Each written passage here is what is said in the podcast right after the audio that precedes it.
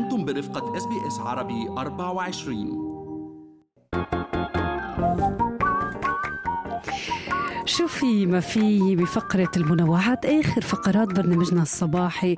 Good morning أستراليا وأنا بترا طوق الهندي. وأنا فارس حسن ورح نأخذكم بأول منوعاتنا على القاهرة وحالة غضب واسعة.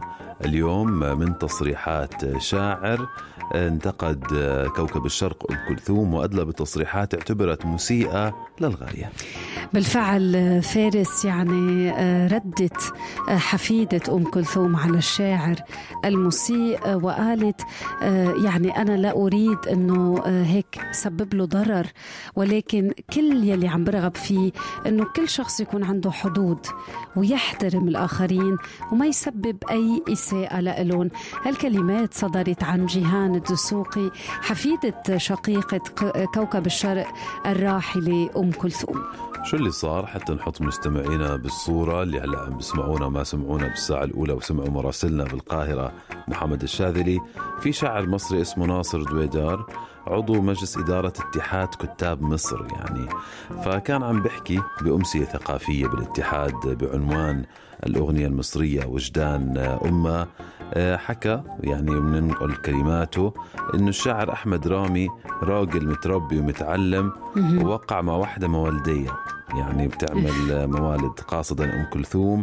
حكى يعني أم كلثوم تزوجت 11 مرة ويقال إنها صاحبت 11 مرة ويقال الكثير الذي لا داعي للحديث عنه. وإحنا عم نتعامل مع أم كلثوم كمطربة عبقرية. مصر لم تنجب مثلها في التاريخ. يعني تصريحات يعني مسيئة جدا يعني. نتحفظ حتى يمكن عن قراءة هالتصريحات آه للقيمة يلي بتمثلها أم كلثوم. وكمان اتهم أم كلثوم خلال الندوة ذاتها بعتذر بسرقة أغنيتين وهو هالشي فجر حالة غضب كبيرة فارس بمصر. استنكرت نقابة المهن الموسيقية هالتصريحات ويعني كان عندها بيان صحفي للرد على هالاتهامات. يعني حكت بشكل أساسي إنه مرفوض التطاول على رموز مصر الفنية بأي شكل. وأن أم كلثوم كانت توحد الأمة العربية بحفلاتها الغنائية ولا يمكن أن ينسى الجميع مواقفها الوطنية. بينما كمان قررت جمعية الملحنين والمؤلفين برئاسة دكتور مدحت العدل التقدم ببلاغ رسمي ضد الكاتب بتهمة إهانة كوكب الشرق.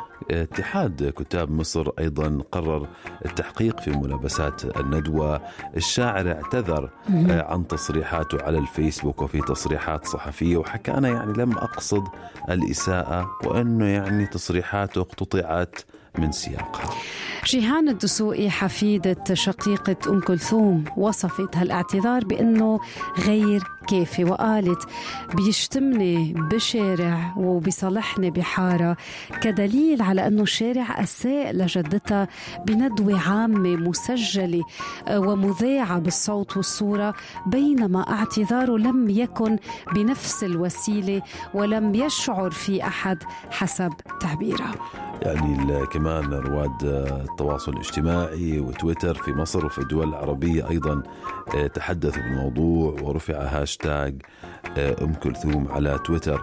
كان لابد أنه نحكي لكم شو عم بيصير بهاي القضية اللي عم تشغل مواقع التواصل الاجتماعي.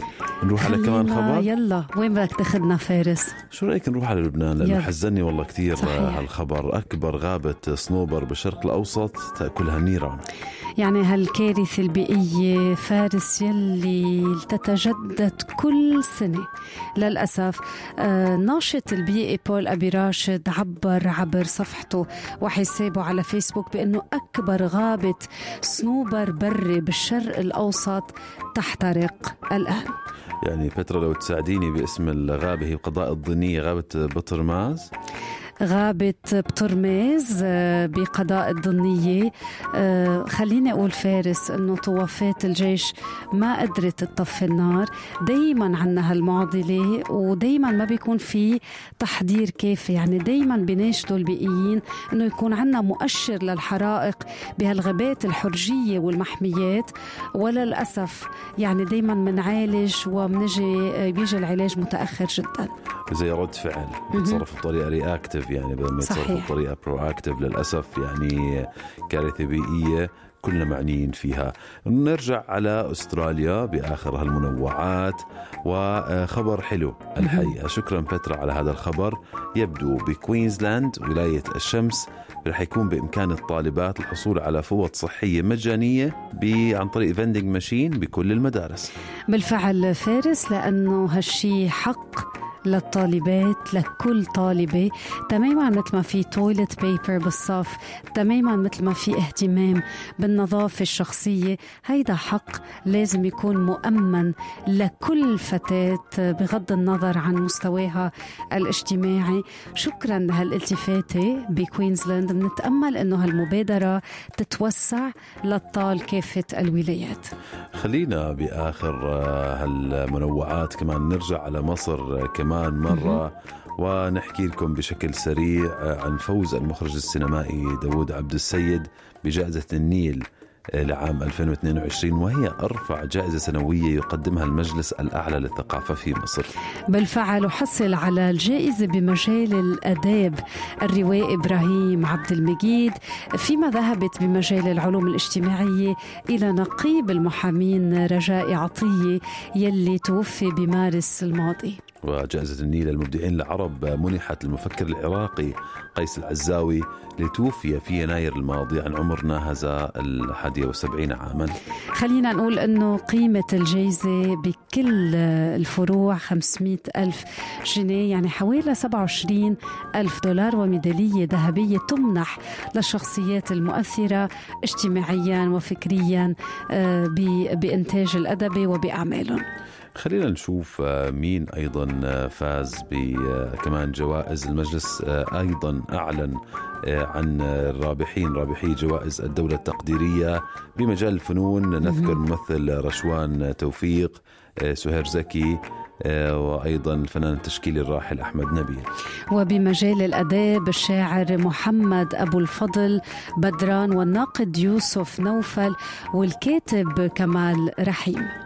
نكتفي بهذا القدر تهانينا لكل الفائزين واليوم هيك منوعات بنكهة مصرية هل تريدون الاستماع إلى المزيد من هذه القصص؟